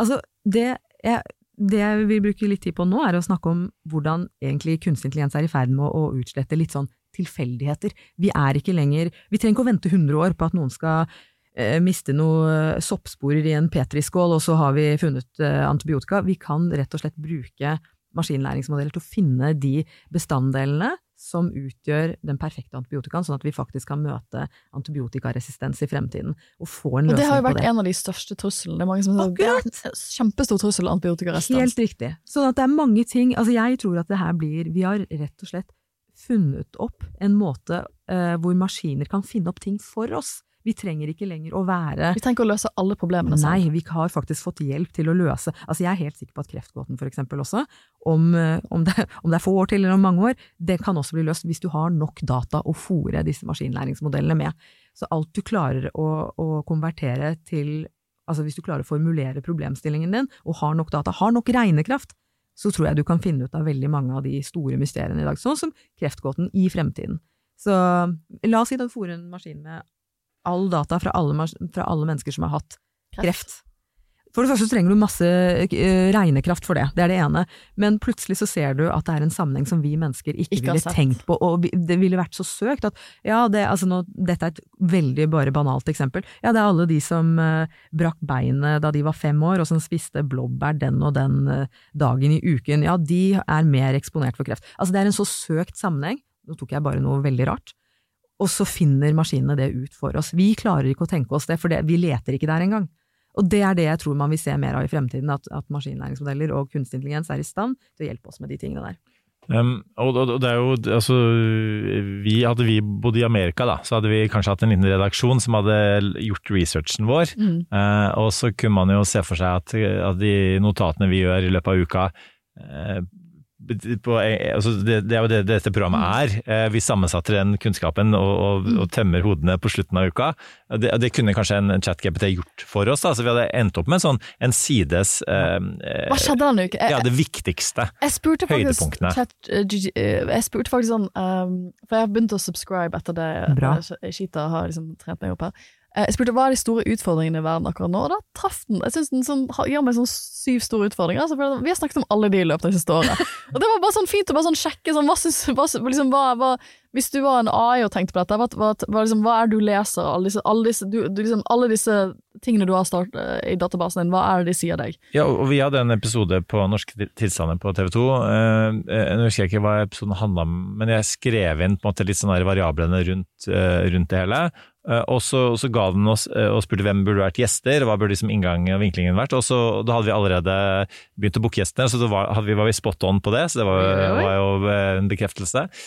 Men, men samtidig da, så, så, tenker jeg det du sier med, med å eliminere tilfeldigheter, er jo antageligvis veldig, veldig positivt på veldig mange områder, sånn sett med, med, med kreft osv. Men samtidig, det, det, har jo også noen utfordringer. og Ikke for å gå helt tilbake til eh, skrekkscenarioene igjen, da, men altså sånn Ja, du har, nå har du datingapper med algoritmer og så videre som skal finne en perfekt match, men, men, men hun som jeg har vært gift med i eh, Åh, det er eh, altså 20 år i år.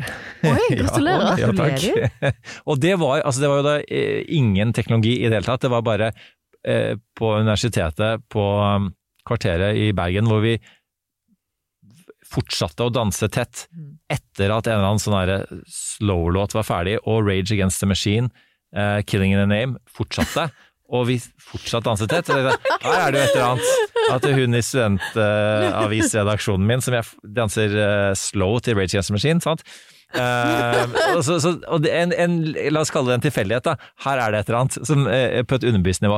Men uh, det du også sier om, om dette med den derre eh, altså, eh, sædcellen, perfekte sædcellen og perfekte eh, Ja, for in vitro-fertilisering. Ja. ikke sant? Plutselig så begynner vi å selektere eh, på, på en måte som vi kanskje ønsker vi oss det. eller, eh, Jeg skjønner at vi ha det er også en svær diskusjon selvfølgelig med, med, med sykdommer hos foster osv., men, men straks vi begynner å selektere eh, fosteret, det jo, åpner jo en Pandoras eske av Det, eh, det gjør det.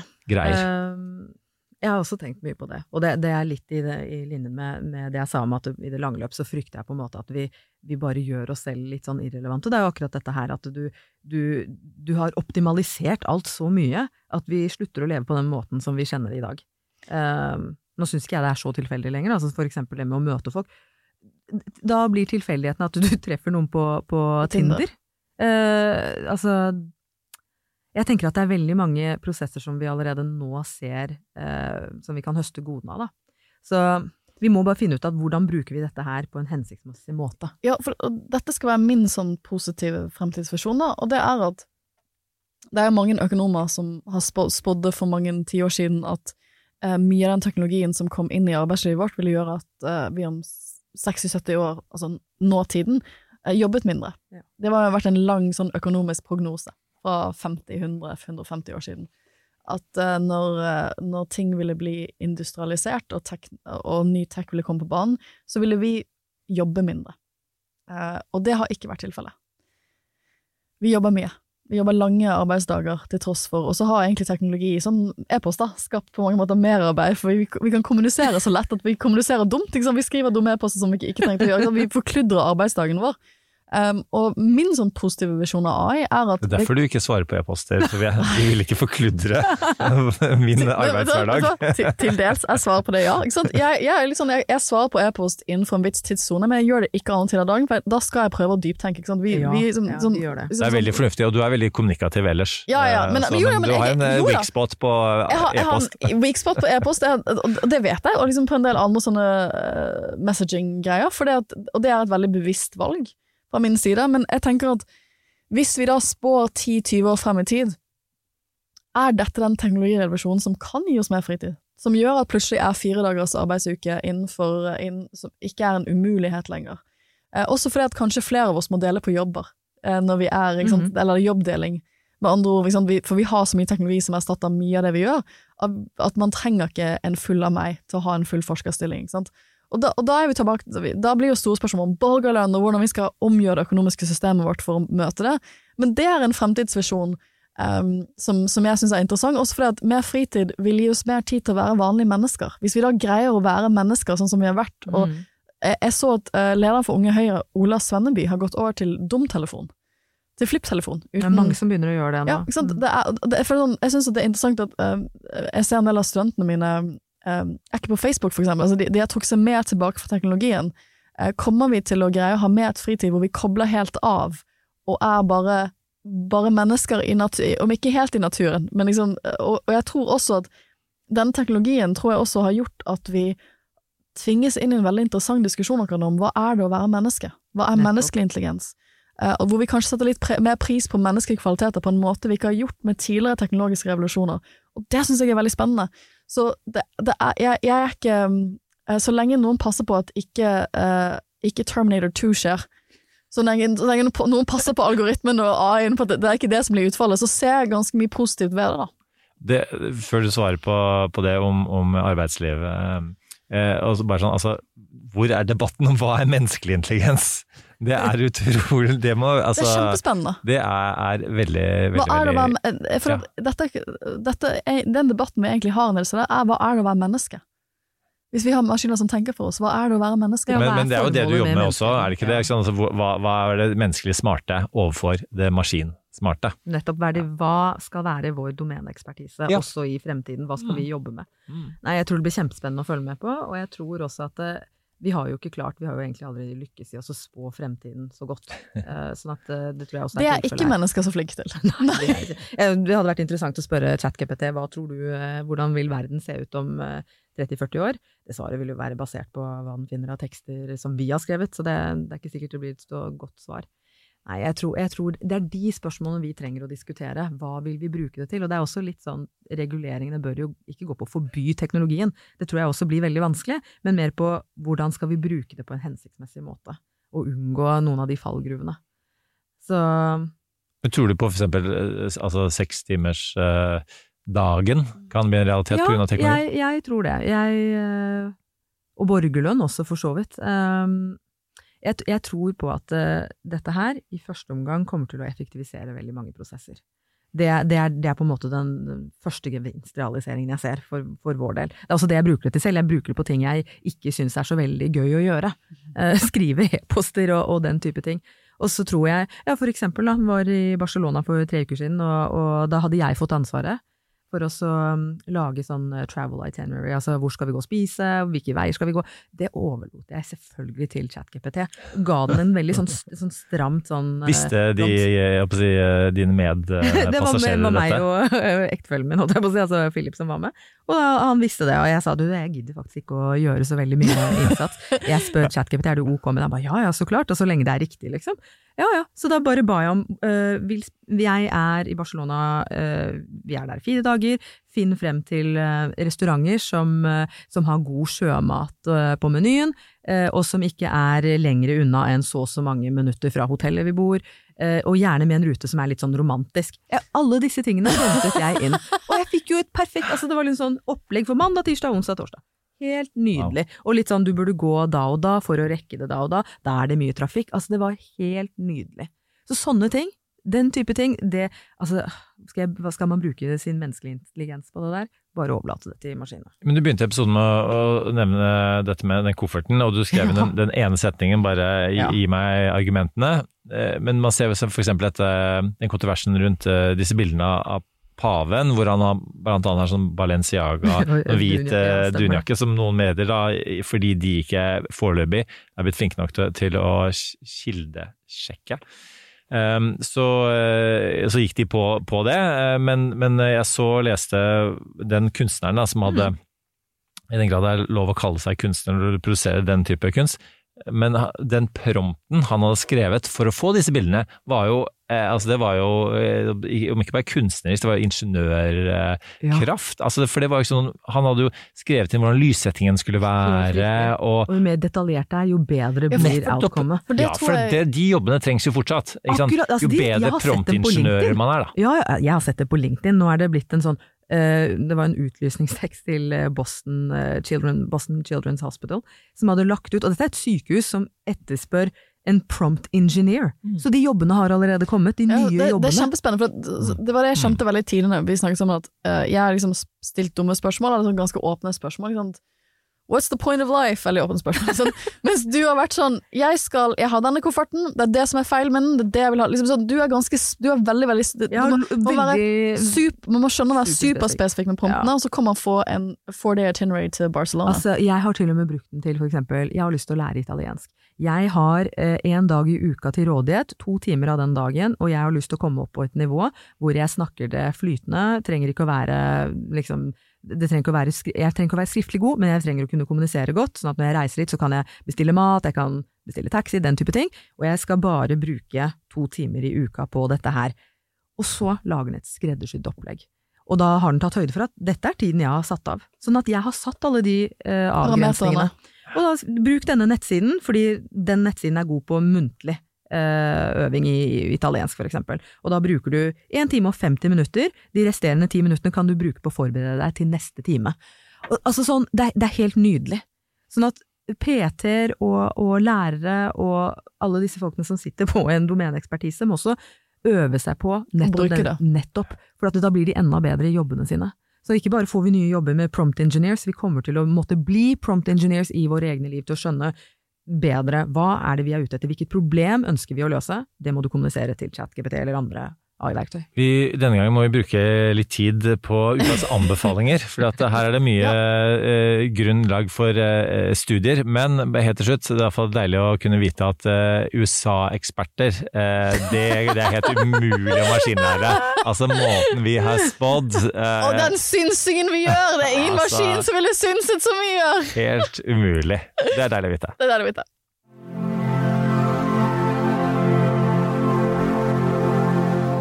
Da lurer jeg sikkert våre lyttere på hva um, våre anbefalinger er. Jeg tenkte vi kunne begynne med deg, Shita, for det er du som er domeneekspert på dette, her, ikke, ikke oss. Ukas anbefaling, altså det, det er jo det er ikke veldig nytt, men det er å bli fortrolig med ChatGPT. Hvordan kan du bruke det til å berike livet ditt, hvordan kan du bruke det til å forenkle noen av de prosessene i hverdagen din som, som du gjerne utsetter. Eh, hvordan kan du bli en prompt master? Det er min anbefaling til eh, lytterne. Hvordan lærte du? Er det noen nettsider du brukte, eller bare Jeg bare begynte å bruke det. Jeg tror det er det enkleste. Ikke gjør det så komplisert. Lær deg bare å logge inn. Altså, det må være den største bøygen. Og sett i gang. Um, og det her er noe som kommer. Det er jo, altså, dette er jo det man gjorde med, med, med internett. Altså google. Mye av måten vi begynte med internett på, er det samme. Uh, hvordan kan jeg gjøre dette her? Altså, få det inn i ChatGPT, og så vil du se nydelige svar. Så man må bare finne ut hva i livet mitt er det jeg har lyst til å forenkle, hva jeg har lyst til å lære meg. Og så være så konkret. Vær, tenke på hvordan du kan være okay, konkret. kan jeg spørre deg samtidig, um, for at vi har jo en del unge lyttere. Uh, vi har faktisk oppsiktsvekkende mange unge lyttere, og vi Mm. har en, uh, en uh, god gjeng på, på videregående faktisk, som må- til og med har vært på besøk her i studio. Uh, og så hva- de, hvis de et sånn råd til unge da, som, som tenker at ja, jeg vil bruke ChatGPT for å forenkle min uh, ja, stilskriving eksempel, og og det er et legitimt uh, ønske det, men hvordan gjør de det sånn at, det de får igjen da, fra ChatGPT-en eh, ikke på en måte utraderer originaliteten i det de skal levere? Jeg, måten jeg ofte bruker det på, er eksempel at jeg skal lage øh, et foredrag, og så tenker jeg at dette, dette er disposisjon, dette har jeg lyst til å gå igjennom. Så lager jeg det kanskje, et utkast, og så spør jeg ChatGPT om, om, om den har noen andre innfall, altså for å se har jeg, har jeg på en måte kommet innom alle de tingene jeg har lyst til å være innom, eller er det noe som jeg har bommet på som jeg ikke har tatt med? Er noe som Så den kan supplere. Det er én ting. For at jeg ønsker ikke å, å bli så, holdt på å si, irrelevant at jeg på en måte ikke gjør de tingene selv, ikke bruker min egen kompetanse, og på en måte bare sånn meg at ja, dette bare, bare Akkurat sånn som med mailer som jeg ikke har lyst til å skrive, bare overlater det til ChatGPT. Så jeg tror jeg, jeg ville brukt det som et supplement til å, til å gjøre noe bedre, eller til å se er det noe jeg har glemt. Og det, I stilskriving så kan man bli fristet til å begynne, begynne å gjøre det helt fra starten av, men da, da har du på en måte ikke sjekket hva, hva ville du gjort?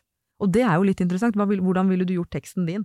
Så du må jo ha eget ønske om å faktisk forbedre deg. Altså, man må jo slutte å se på egentlig eksamener og prøver som bare noe forferdelig som tester deg, og du bryr deg egentlig ikke. Det må være et overordnet mål om at du skal bli bedre til neste gang. Du skal faktisk utvikle deg. Og det tror jeg må mer inn i skolesystemet vårt. At, at prøver og eksamener også blir sett på som Det er ikke bare en test som lærerne har godt av, det er også din måte å vise for deg selv. Hva, hva sitter du igjen med? Hva kan du? Ja, og en, en måte å utforske noe du er oppriktig nysgjerrig på. Helt riktig. Mm. Mitt, eh, mitt tips er, det, først er det en artikkel, det er eh, Yuval Noah Harari, som jo mange har lest Sapiens eh, blant annet, eh, som har skrevet noe egentlig som er litt sånn eh, eh, litt dystopisk eh, kronikk i The Economist nå for bare er det to uker siden cirka. Eh, det anbefaler jeg å lese. Den eh, eh, heter at AI has hacked the operating system of human civilization. Altså Mens vi prøver liksom å hacke AI og prøve å finne ut hvordan er det den tenker, hvordan skal vi utnytte det, så mener han at AI har hacket oss. Eh, og og, og det, det går på det at, at den har på en måte tilegnet seg språk, og at språk er, er det som måtte skiller eh, i hvert fall mennesker fra, fra dyrene. altså Det å, å skrive og kommunisere så, med en sånn dybde som vi gjør. Eh, og det gjør at den kan etterligne oss, og, og kanskje da i hvert fall illudere følelser. Eh, og um, det var det min sønn lekte seg litt med da han var på backpacking og sammen med to kompiser og kanskje søkte enda mer sosiale eh, relasjoner, og, og, ble eh, så god venn med sin eh, chatbot eh, at de utvikla klengenavn til hverandre. Og, og som han sa, det var litt sånn skummelt, for du følte at det var noen følelser der, men du vet at det ikke er følelser. Men han fikk hjelp da både til å tenke gjennom om studievalget var riktig, hva han skulle gjøre med de vonde knærne sine osv. Og hans studievalg er da for øvrig kognitiv vitenskap eh, på Universitetet i Bergen. Så han, eh, og hans begrunnelse for det var altså det er kunstig intelligens. Mm. Og, og det er litt sånn humaniora-biten, Ja. men også programmering. Eh, var liksom ok, hvis det er mye Hvis vi frykter med god grunn en del kunstig intelligens, la oss da være de som lager den positive kunstig intelligensen. Så eh, veldig honnør eh, for det valget. Og så kan jeg bare legge til at eh, Harari også sier at det er litt sånn som det du sier, at, at vi, det må altså Du snakker om en slags sånn algoritmeutvalg. eh, ut.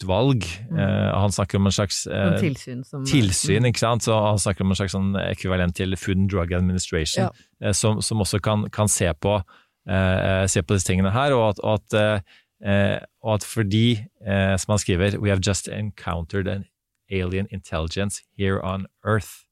Ikke sant? Eh, og så skriver han til slutt, eh, for mange, mange sier at eh, ja, denne teksten ble skrevet av en, men, Ja. eh, av en AI. Og det var bare en sånn sjanger, jeg vet ikke om kanskje en del 17. mai-taler er skrevet av AI osv., men han avslutter med å si this text has been generated by a human. Or has it? Eh, så den henger litt veldig i lufta. Uh, men altså, ellers er den, vi liker å hive på romaner også. Altså Mary Shelleys Jeg liker at du sier vi, Eirik. Ja, jeg- Det er veldig hyggelig at du sier vi. Det er veldig hyggelig at du sier vi, ja. uh, og altså den, den, Alle kjenner Frankenstein-historien, men veldig få har nok lest den boka. Eh, og den fordi den er ganske gammel, den er litt lang, men er ekstremt lesverdig. Og eh, Mary Shelley skrev den boka eh, da hun var 18 år gammel, som Det er helt sykt. helt ellevilt. Ja. Um, jeg har tidligere sagt til ungene mine at eh, nå er jo du 16, hvorfor er ikke du blitt kjøpt av Real Madrid, eller hvorfor har ikke du vunnet eh, Nobelprisen, sånn som Malala? Eh, mulig, at jeg, mulig at jeg risikerte å nevne noe alder her også. Når kommer den store amerikanske romanen fra deg? Til hun som fortsatt går på videregående. Men, men altså, det, det, det, jeg tror faktisk noe av grunnen altså, Språk var veldig viktig den gangen, da. Eh, og, det var, det, var eh, det også Språktradisjonene var jo den det, før all, all internett osv. Eh, var kjempeviktig, og hun var åpenbart i en veldig sånn eh, eh, språktradisjon. Eh, så, men altså den boka, alle som skal mene noe om forholdet mellom menneske og maskin, bør absolutt lese den. fordi det som da, uten å fullstendig spoiler eh, alert her, så, så er jo det altså en, en vitenskapsmann som skaper et menneske, og så blir han så redd for den maskinen, og maskinen ønsker egentlig forsoning, ønsker å forstå mennesker og bli venn med mennesker, men redselen for maskinen gjør at man støter fra seg maskinen, og det er da all mulig ondskap eh, skjer. Men, men altså, en, altså, det er egentlig det du har sagt mange ganger nå i Shita, altså det derre de grunnleggende eh, etiske spørsmålene rundt, rundt alt dette er, er helt avgjørende. Vi, vi, vi skal ha tilsyn og alt mulig sånt, men vi skal også tenke på et menneskelig nivå rundt dette. Ja, apropos Menneskelig intelligens. Menneskelig intelligens. Den, eh, jeg nevnte jo Tim i Financial eh, Times, som hadde skrevet denne kronikken. Han heter Tim Harford, fant jeg ut. Han har en spalte som heter Undercover Economist. Der snakker han om nettopp dette. Han nevnte jo dette med denne skoleeleven som brukte ChatGPT og ikke engang gadd å lese første setning. Han nevner flere eksempler der, for eksempel fra presidentvalget i eh, og Det her var vi 2020, sist. Eh, og Michael Bloomberg, eh, milliardæren, han eh, stilte som kandidat, men han tapte. Da hadde han brukt 500 millioner dollar på den prosessen. og så er det noen som tvitrer 'herregud, ikke bare ble han ikke kandidat, han har brukt så mye penger på det'. 500 millioner US dollars, det er ganske mye. Og, da og så sier denne twittermeldingen at det kunne han istedenfor brukt. Han kunne gitt én million dollar til hver eneste person i USA, og de er på det tidspunktet 327 millioner mennesker. Det var det den twittermeldingen sa. Det er jo helt feil, det er jo en logisk brist der. Du kan jo ikke gi én million til Altså, det, det, det mattestykket går ikke opp. Det, det du kunne gjort, var å gi én US dollar. Det er det du kunne gjort til alle disse 327, og så ville du fortsatt sittet igjen med mye. Men det, det er en sånn kortslutning, det er en logisk brist der. sånn at det, det, det som skjer, er at de, denne twittermeldingen får masse oppmerksomhet. så blir den tatt opp i et av de mest kjente eh, TV-programmene, og programlederen gjentar denne feilen. Og de har ikke engang giddet å tenke gjennom matten i det, fordi man bare Det er det jeg sier med at man blir så lat. Man tenker at ja, men dette har sikkert noen andre tenkt på, og dette kan sikkert ChatGPT løse for meg. Så sånne logiske brister. Så jeg anbefaler alle å lese den, den artikkelen til, eh, til Tim Harford, eh, og se eksempler på hva vi ikke trenger å bruke kunstig intelligens til, hva vi må bruke menneskelig intelligens til. Altså helt elementær matte, for eksempel.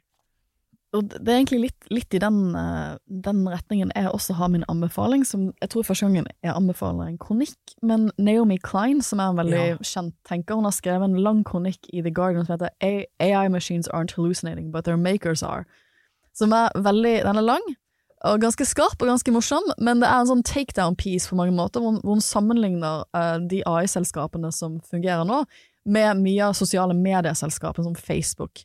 Um, og den sammenligningen gjør han litt for å vise at sånn, liksom, vi har vært her før. Vi, vært, liksom, vi skal ikke være naive i møte med disse selskapene, vi har vært der før. Og så, det- hun har en sånn morsom sånn play, hun sånn playbook som man lager noe som er morsomt og gratis. Everyone signs up. Everyone starts using it. Eh, ikke de vanskelige spørsmålene om hvem, eier dette her? Å ja, de, de lager pene bilder. Hvem, er, hvem, hvem sin, hvem sin um, intellectual property er disse bildene? Hvem har laget liksom, de bildene? Den datamaskinen lager ikke det fordi den har kommet opp med det selv, den lager det basert på ganske mange eh, bildekunstnere den har tatt det fra. ikke sant? Så liksom, det, liksom, vi har vært der før med, med Facebook, for eksempel, hvor vi, vi signer opp, vi bruker det, vi skjønner ikke at det den tar, er den personlige dataen vår. Ikke sant? Vi skjønner ikke at, Mens nå er det litt andre ting den har tatt fra fra før. Og, og, og poenget er at liksom, problemet ofte er at fordi det er åpent, det er gratis, folk bruker det, det er gøy å bruke, så glemmer man mange av de kritiske spørsmålene sine, og så innen det kommer til en domstol, er ingen er sånn der, wait a minute! Skal Facebook tjene penger på, på persondataen vår? Hva har skjedd liksom her? Innen det kommer til en domstol, så er det for sent, og domstolen litt sånn ja shit, folk har gjort dette i flere år nå. Å, dette er veldig problematisk. Gid om vi hadde fått dette før, men nå er det så stort, og alle har gjort det, og alle er med, så vi kan ikke gjøre så mye her. Og det samme litt sånn, lov, sånn lovgiverne kommer på banen sånn ah, nei, men Vi kan ikke bare shut down Facebook nå, vi kan ikke begynne å regle, for det er for sent. Og Det er litt akkurat det samme som vi gjør med det, de selskapene som gjør sånn. Alle bare sånn å, men chat, det er kjempegøy å gjøre dette her. Uh, og så, og så, Det er jo gratis, ikke sant? Og, så- og så stiller man ikke en del av de veldig vanskelige kritiske spørsmålene som man burde stille tidlig i prosessen, som gjør at innen man kommer på en del av disse problemstillingene, så er det kanskje gått noen år, alle er med, og så blir det det samme type pattern, da. Hun har ganske mange andre interessante kritikker av AI, som jeg syns er veldig interessant. For det er jo noen som har vært sånn åh, man er for sånn dyster eh, i møte med ny teknologi. Så jeg liksom, vet du hva? Eh, av forskernes rolle er jo til tider eh, Måten forskere viser kjærlighet på, er å være kritisk. Det er det vi gjør. Sant? Vi kritiserer hverandres eh, papers på ikke så veldig hyggelig måte. Men det er, en måte? Det, er jo sånn, det, det er jo den akademiske tradisjonen. Vi fagfeller vurderer hverandres arbeid, vi utfordrer hverandre intellektuelt. Det er sånn vi viser litt kjærlighet på. Eh, og det er jo fordi at um, man, sånn når folk er sånn Ja, men det har jo gått fint før. Så er det sånn Ja, det har ofte gått fint før fordi at folk har stilt kritiske spørsmål. Og så har man fått en diskusjon, og så har man kanskje justert kurs, og da har det gått bedre. Så jeg er jo veldig for at vi skal diskutere alle mulighetene her, men det at man får en del kritiske stemmer når man ser kritisk på det, det er jo det man gjør for å passe på at vi ikke kommer i de worst case scenarioene, for vi tar debatten, som du sier, vi tar de etiske debattene nå. Så fagfellevurderingene blant forskere, det er egentlig kjærlighetserklæringer. Det sier vel Ikke alle! alt, det sier vel alt om akademikernes eh, emosjonelle intelligens. eh. Ta den, eh, også kone og hennes eh, omgivelser. Um, Jeg skal bare avrunde veldig fort med ja, men veldig, veldig skal jeg, skal jeg, ja. Før du øh, slipper til, med din uh, veldig korte avrunding, min korte avrunding, fra en, en uh, statsviters uh, ståsted Altså, jeg, jeg tror er det én ting vi skal huske på, er at teknologi skjer ikke av seg selv. Vi har, som du sier, Sofie, en følelse av det. Men, men det gjør ikke det. Det er noen eh, kommersielle interesser, noen selskaper som ligger bak, eh, og det kan og må vi regulere eh, via våre politikere, eh, som da er, representerer oss mennesker. Da må vi stille de spørsmålene til de, eh, fordi teknologi eh, skjer ikke av seg selv. Det er eh, opp til oss. Og da har jeg en sånn veldig bare sånn feel good, uh, for jeg føler at uh, jeg, jeg var veldig kritisk til The Diplomat på Netflix forrige uke, så nå skal jeg prøve å være mindre kritisk til andre ting. Og det er at jeg har faktisk likt uh, Amazon Prime har jo brukt masse penger på sånne store serier, og ikke alle av de har vært like suksessrike, men det er jo ingen som bruker mer penger jeg har skjønt på seriene, så de ser veldig pene ut. Men den Citydale, som er den nye sånn spenningsthrilleren der, som er sånn spion-futuristic, det har ikke AI tatt over verden. Liksom, det er sånn, men det er sånn, det er sånn Men AI the har lagd konseptet, det kan du banne deg baklengs på. uh, men det er da Det, det, det, er liksom, det er gode skuespillere. Jeg trodde ikke jeg skulle like det, men jeg har sett to-tre episoder, har likt det overraskende godt. Det kan være litt fordi hun Priyanka Chopra er hovedskuespilleren in, in like I love everything she's in. I think she's the most beautiful woman ever. Eh, og hun, bare sånn, hun har sånn cool girl-vibe. Ja. Hun er bare veldig kul. Så jeg, jeg, jeg føler at hun bringer en sånn kulhetsfaktor til hele serien som gjør den mye mer seriøs. Og så er hun, ja, hun er en sånn intelligent, kul kvinne. Hun er det. Apropos uh, serier, så har jeg jo begynt med. Jeg har sånn life hack, hvor jeg, jeg liker ikke at jeg binger, så jeg ser siste episode av serier. Som jeg Nei, nei, jeg kødder ikke. Jeg bare spoler meg gjennom siste episode, og så har jeg bare null lyst til å følge med på serier. Altså, det er min uh, er, time managing hack. Det er ikke noe kult, det er sikkert ikke veldig lurt, nå vil sikkert Netflix og alle andre hate på meg, men, men, men eh, det er veldig bra når jeg har ting å gjøre, og deadlines, så er jeg sånn, vet du jeg har faktisk ikke tid til å sitte og se på en serie, så jeg bare ser siste episode veldig kjapt. På vegne av alle Breaking Bad-fanboys der ute. Bare du holder deg unna den lifehacken på, på den serien der, så skal vi se gjennom fingrene. det, men det er det jeg mener, da hadde jeg tid, men så har jeg bare skjønt at man har egentlig aldri tid, så jeg bare Nei, og det, er- det skjønner jeg, for at nå er du blitt Det glemte jeg å nevne helt innledningsvis, men din nåværende jobb er å være lead i AI Healthcare at Deloitte, og jeg antar at det skjer veldig mye Ja, på det jobben din om dagen. eksplodert, så jeg er bare helt sånn, det, jeg har ikke tid til å sitte og Vi, vi kunne snakket lenge om hvor morsomt det er at du prøver liksom i flere år å forklare nærme kollegaer, venner og liksom familie om hvorfor AI er viktig, og så liksom innen du har disputert, så er det bare sånn Jeg bare føler at du, din, ditt liv er noe sånn tsunami. Liksom nå, hvor det bare sånn, det kommer som en bølgeflod. Må, siste anbefalingen er jo selvfølgelig at du skriver bok. Ja! Den kommer til høsten. Kommer Og til hva, høsten. hva skal den boken hete? Den heter eh, Kunstig intelligens som redder liv, legenes nye superkrefter. Den må dere sjekke ut. Elsker det. Jeg Tusen takk for at du var med oss, eh, Ishita. Takk for at jeg ble invitert. Ja, det var eh, både litt skremmende, litt optimistisk, men ikke minst innsiktsfullt. Utrolig læringsrikt. Så lyttes vi. Jeg håper at, eh, jeg håper at eh, lytterne våre gjør noe superhyggelig over denne litt sånn norske langhelgen. Eh, Og så lyttes vi til neste uke. Ha en flott helg og fortreffelig neste uke. That's enough. Put down the mic.